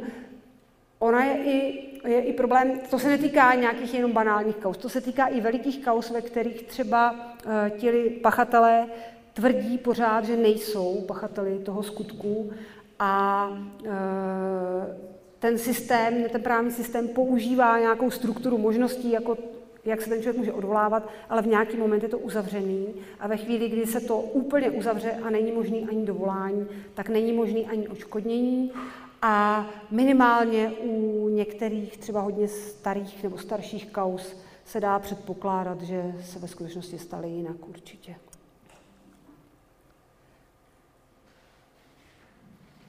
Dobrý večer. Dobrý večer. Vy jste mluvila o tom, že se domníváte, že je lepší, aby tam seděli jako soudci lidé, než aby to soudila nějaká umělá inteligence. Z důvodu respektive nějakého předporozumění,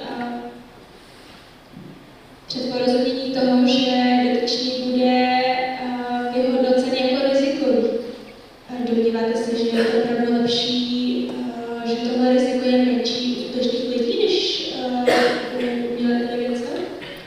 Uh, jo, tak já to zkusím nějak uh, popsat.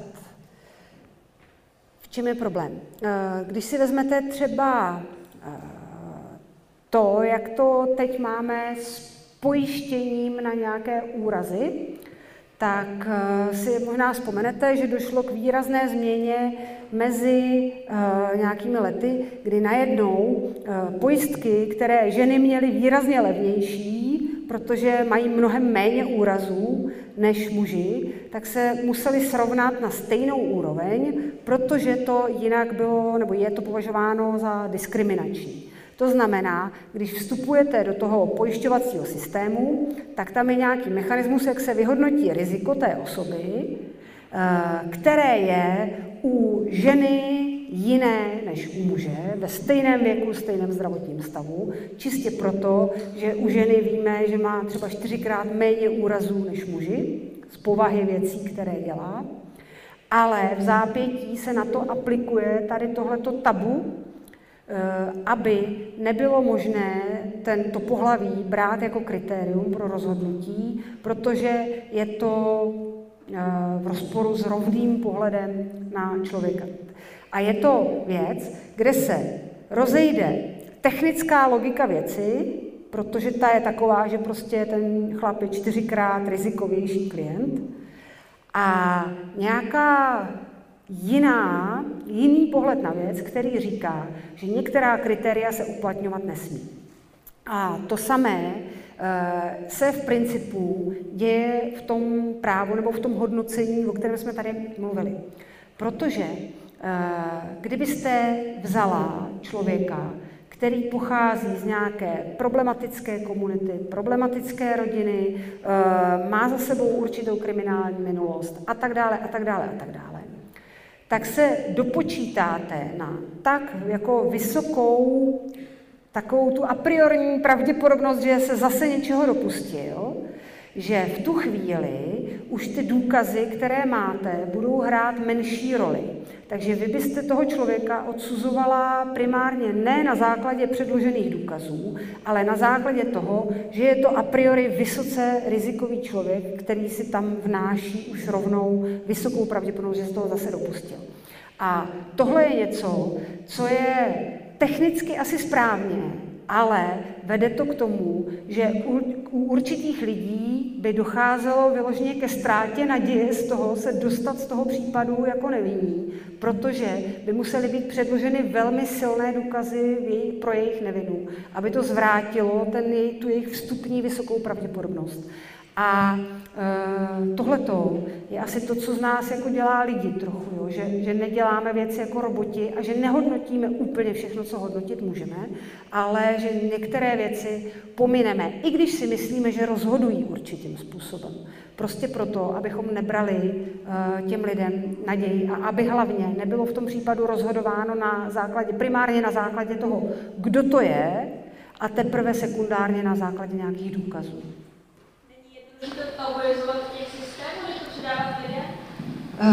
u neuronové sítě je těžké něco tabuizovat. Neuronová síť eh, nemá tyhle ty vstupy, jako abyste jí mohli říct, tohle ber, tohle neber. Neuronová síť vychovává sama sebe, eh, takže potom, když vidíte rvačku někde na videu v černožském getu s policisty, tak eh, a máte, pustíte si to video, tak se vám po pár vteřinách zastaví a Google vám tam napíše, chcete dále sledovat video s primáty, jo? protože uh, ta síť je nekorektní, nechápe, uh, prostě nevnímá tak jako my a uh, v tomhle tom ty síti jako těžko budeme říkat, že něco jsou naše lidská kritéria. Takže my musíme vzít výstup té sítě a musíme ho dát do kontextu nějakých vlastních eh, ještě jako kritérií. Vidím vás, pojďme zatím další otázky z internetu, než to vyběhnu. Dobrý večer, jaký byl pro vás nejtěžší případ, tedy pokud můžete mluvit? Tak, z, jo, záleží z jakého hlediska nejtěžší, uh, nejtěžší technicky jsou velké případy s velkým množstvím nějakých smíšených stop, kde se snažíte najít uh, třeba hodně osob. Těžký případ v tomhle směru. Určitě asi vraždy prostitutek na Václaváku před nějakými 10-12 lety, kde z těch skutků se dopouštěl gang a postupně jsme dohledali asi 8 lidí v těch stopách, takže bylo možné jako nějakým způsobem je, je zidentifikovat a, a ten, ten případ se potom soudil. Z osobního nebo z, jako z nějakého emočního hlediska určitě jsou prostě těžký případy, které si dokážete Eh, vtahnout sami na sebe nějak, eh, na to, že máte děti a umíte si představit, že eh, by tohle to někdo udělal jim. Těžký jsou případy. Pro mě asi paradoxně jako nejtěžší jsou případy, jo, že když když je to případ z nějaký velký emoce, jako že se někdo strašně naštve nebo je někdo strašně eh, nešťastně zamilovaný a to, tak ta emoce, byť vede jako k příšerným důsledkům, tak je pro mě asi srozumitelnější věc, než jsou případy, kde ten pachatel jedná eh, právě, jako ten, nebo ten, ten skutek se stane, protože ten pachatel je bezemoční. Eh, příklad, paní dobře situovaná s přítelem, pracující na nějakým úřadu obecním, okresním, či co, eh, která svoji dceru novorozenou uškrtila, strčila jí toaleťák do pusy, narvala ji do toalety a druhý den odjela s tím přítelem na dovolenou a udělala to proto, že jí předtím, než otěhotněla, tak řekli, že by za rok mohla dostat smlouvu na dobu určitou, ta neurčitou, ze smlouvy na dobu určitou. A ona chtěla si udržet to místo a nenapadlo jí prostě vůbec nic jiného, jak jako s tím těhotenstvím naložit. A všechno to potom tak jako řekla, že to tak udělala a přišlo jí to úplně jako, že se vlastně nic nestalo a co všichni řeší tak to jsou případy, které jsou pro mě nesrozumitelné, nebo přesně řečeno říkám si, že prostě e, v tom člověku je nějaký jako hluboký defekt, se kterým asi nejde nic dělat, ale je to pro mě mnohem děsivější, než někdo, kdo jako je labilnější emočně třeba. Tak. To jsme se nezasmáli. Dobrý den, kontrolují se vzorky alespoň dvěma experty, nezávislé na sobě. Ano.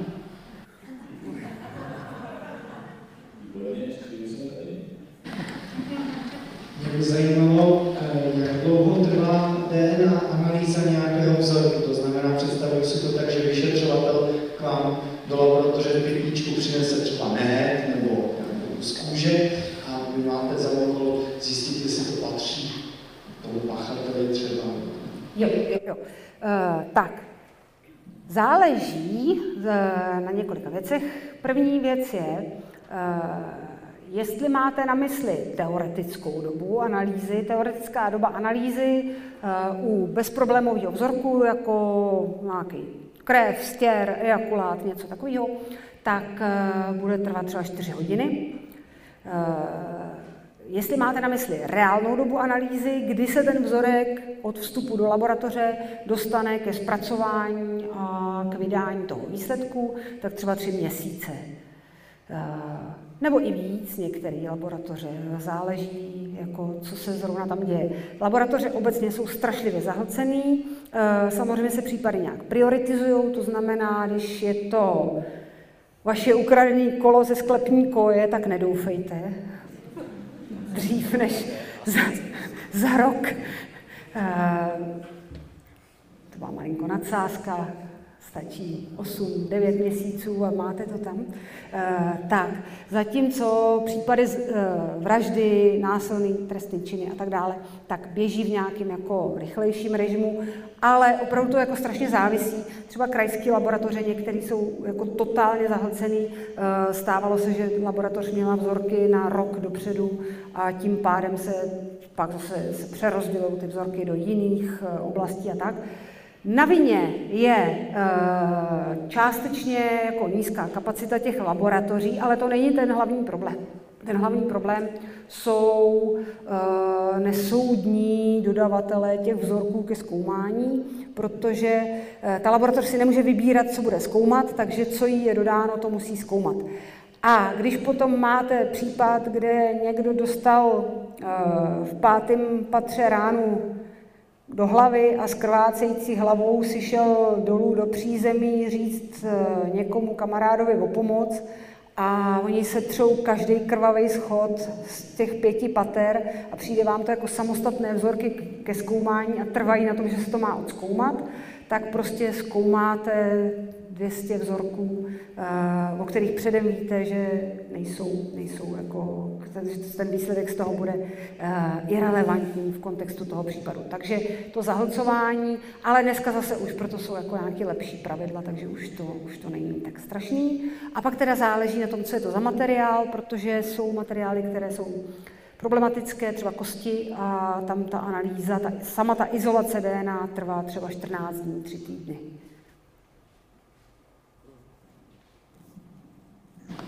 Já jsem se zeptat, jestli uh, sledujete na Netflixu nějaký seriály z vašeho třeba Dexter. Tak, ne, uh, málo. Uh, já nemám ráda úplně seriály. Uh, přesně řečeno, mám ráda filmy a mám ráda krátké série, když tak. Uh, u seriálu mi vadí ta rozplizlost, kde to, se to tahne další a další a další a další díl. Eh, a tím pádem uh, se z toho pak stává taková pochutě, jako fast food je to trošku, jo? že to jako sníte, ne, úplně to nebylo strašný, ale, ale zase, že by to bylo skvělý, to není. Uh, nicméně mám ráda opravdu třeba krátké série a uh, co mě baví hodně, je uh, třeba dělat konzultace ke scénářům v takových věcech. Tak, tak to jo. Ještě jedna otázka z internetu, jestli jste někdy cítila třeba jako Dexter potřebující spravedlnost do vlastních rukou? Uh, ne, uh, ne v tom smyslu jako Dexter. Uh, jo, tohle je strašně těžký, protože uh, samozřejmě na ty vaše primární okruhy to působí, ale to je prostě přesně to, co jako nesmíte udělat. Jo. Nesmíte schválně ty stopy vyhodnotit jako hůř, než jsou, abyste to tomu člověku osolili, protože si myslíte, že si to zaslouží. Vy se od toho fakt musíte úplně oddělit a strašně vám pomůže, když o tom případu nic nevíte. To tak je.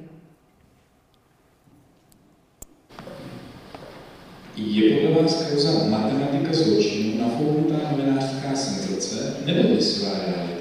Já jsem se bála takové otázky, přiznám. Uh, tak, jo. Uh, matematika zločinu ukazuje, uh, že pokud všechny obory forenzní neprojdou kvalitní revizí a pokud jejich závěry nebudou opravdu jako dobře, dobře, dobře uh, evaluovaný, tak uh, bude docházet ke sporům tohoto typu a termín nafouknutá novinářská senzace bych určitě nepoužila. A termín děsivá realita eh, bych taky úplně nepoužila.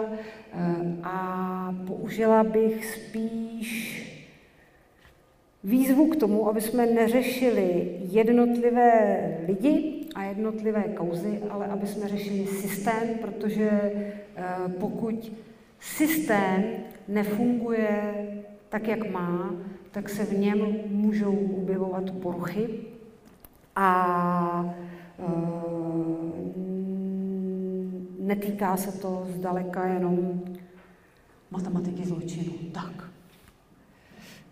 Já jsem za chtěl googlení, tak jestli můžete říct, co je matematika zločinu. Uh, Matematika zločinů je krátký, krátká série, podcast i kniha, která popisuje sporné závěry používané v, používané v českém prostředí českým znalcem pro hodnocení věcí, které se týkají biomechaniky. Tak. Hezký večer, pozorujete ve svém okolí vzorce chování a řídíte se jimi, nebo se jim snažíte vyhýbat? Jo, tak to vypadá, jako jsem někdo, kdo každého prokoukne. Ne, ne, ne. Uh, já v uh, vzorce chování, jo, asi jo, vzorce chování pozoruju, ale to pozorujeme každý. A snažím se řídit uh, ryze jako nějakým, nějakou intuicí, uh, tak jako to dělají všichni. Takže uh, v tomhle tomu asi nejsem vůbec nikdo výjimečný. Tak máme nějaký dotaz? Tak, dobrý den, jak jste se dostali ke své práci? Jo, uh, no.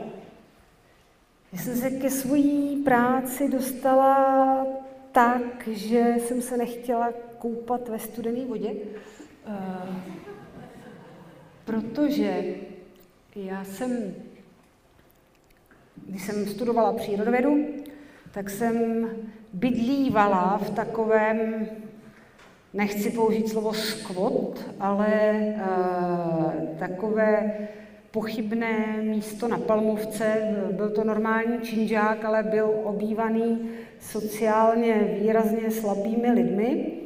A byl to klasický jako činžák čtvrtý kategorie, takže jediný, co tam bylo, byl kohoutek ze zdi, ze kterého tekla studená voda. A nic jiného, záchod na Pavlači. A od té doby mám jako v lásce sociálně slabé lidi, protože jsme tam zažili spoustu občerstvujících zážitků všeho druhu. Eh, pochopila jsem spoustu věcí, třeba proč je bazar otevřený non-stop i v noci eh, a tak dále. Ale eh, pak už se mi tam trošku bydlelo špatně, mimo jiné právě proto, že mě strašně otravovalo to, že když se chci umýt v teplé vodě, tak musím napustit na kamnech ten hrnec obrovský a, za, a tu vodu ohřát, což se vám ve dvě v noci, když přijdete, nechce. Takže jsem to nedělala a časem jsem si říkala, že bych se mohla někam přestěhovat. A tak jsem vyvěsila na přírodovědě inzerát, jestli jako někdo by nechtěl tenhle ten byt. A okamžitě potom sahnul nejmenovaný dnes už pan docent, eh, který v tu dobu bydlel na kolejích, ale měl tam na černo manželku a miminko a špatně se mu to maskovalo. Eh, takže prohlásil, že pro něj je mnohem jednodušší se přestěhovat tady do toho poloskvotu, než pořád strkat kočárek do prvního patra v oknem. A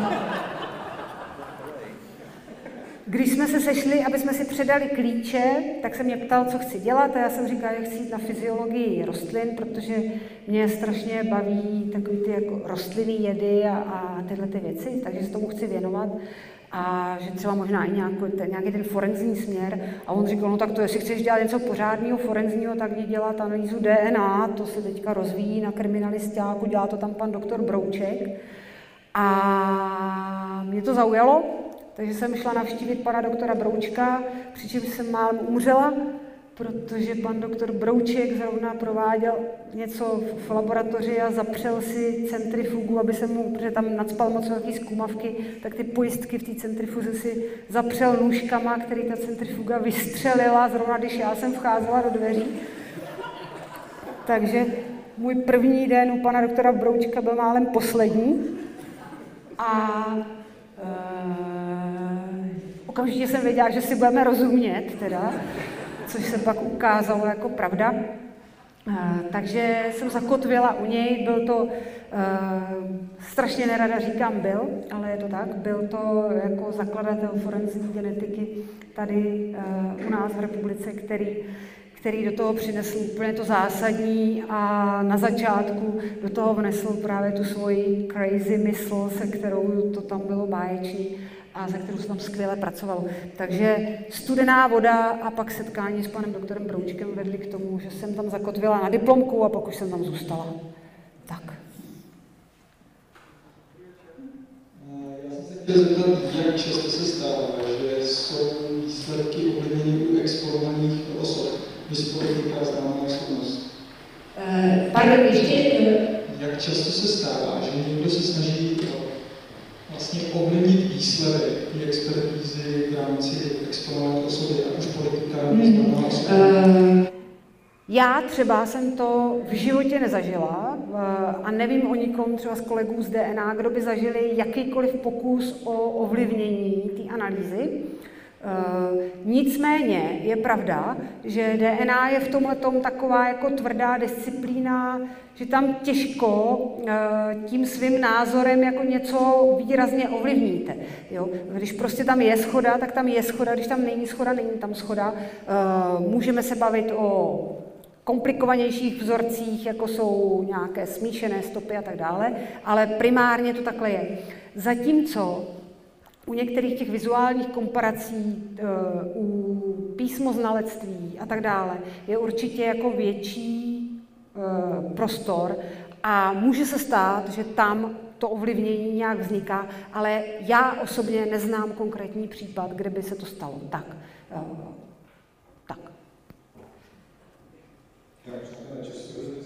krátí, takže určitě budete příležitost, neváhejte. Eh, jak byste tam lidsky pracoval v kriminální laboratoři s tím, že byste neměla žádné informace o toho případu? Jo, eh, mě osobně, eh, tak já bych v takové laboratoři nepracovala, ale to je jedna věc. A druhá věc je, že vím, že to tak je správně a že to prostě bude potřebovat jiný typ lidí, než jsou páni doktoři Broučkové a Haliny Šimkové a další, jako další neotřelé povahy.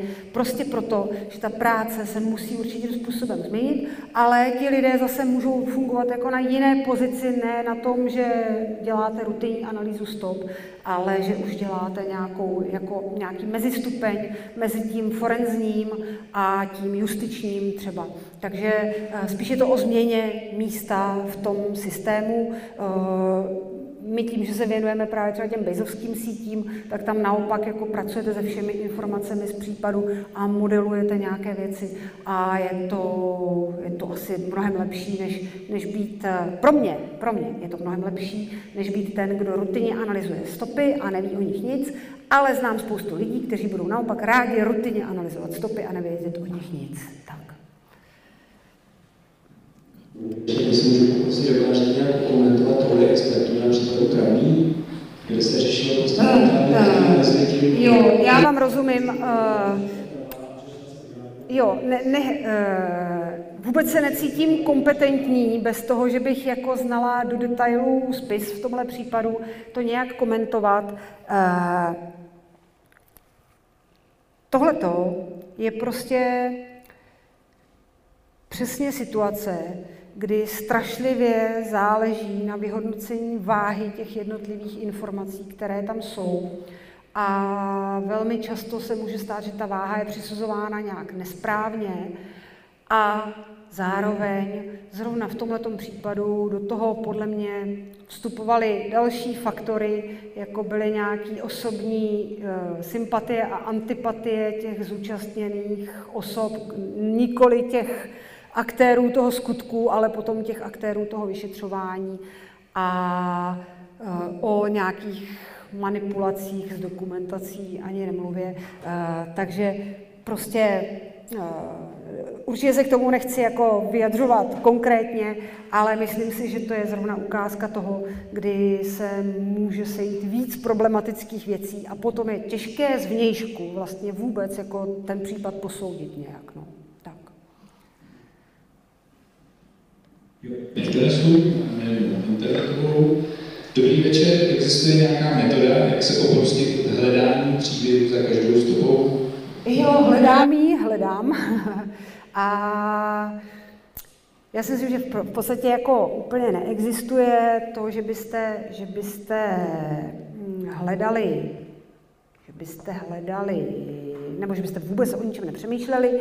Nicméně zase je dobré si uvědomit, co jsou ty stopy, které přicházejí. Eh, pochopitelně, když vám přijde, eh, přijdou jako celé objekty, věci, když vám přijde spodní prádlo nebo vám přijdou nějaké osobní předměty, tak vás to nutí o těch věcech přemýšlet uh, nějakým způsobem. To, to určitě ano. Uh, ale spousta stop, které chodí, jsou uh, vajgly, stěry na tamponu, kousíčky nějakých vláken s něčím, co na tom je.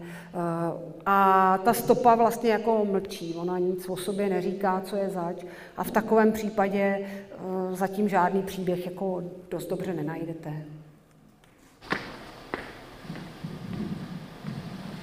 Dobrý večer, bych se chtěl zeptat, od jaký úrovně kriminálních činů vlastně ty stopy k vám chodí do laboratoře?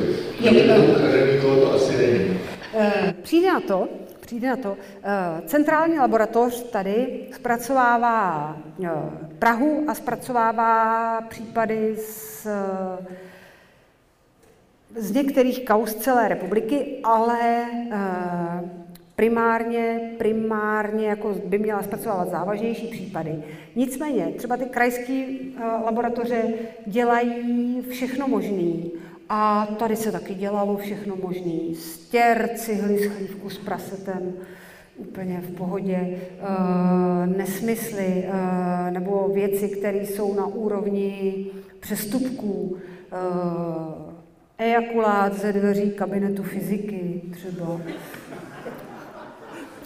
A, a jiný, jo, takový uh, vlastně uh, věci, který, který, jako, kde závažnost toho skutku je malá, ale protože je tam pěkná biologická stopa, tak oni to pošlou, jako by se to nějak rozseklo. Tak.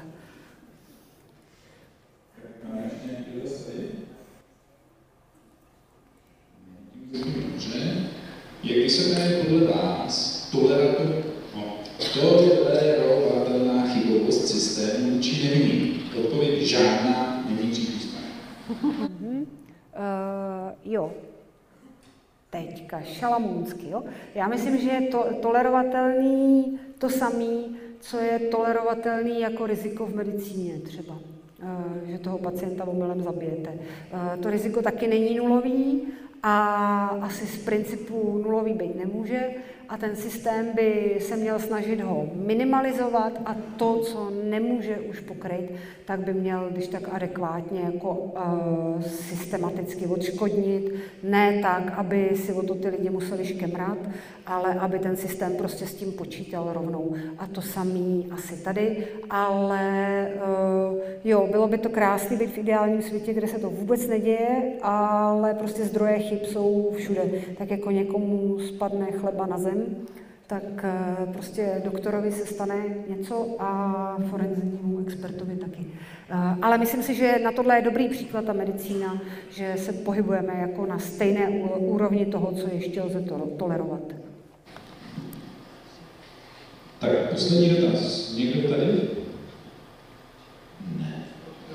A až tam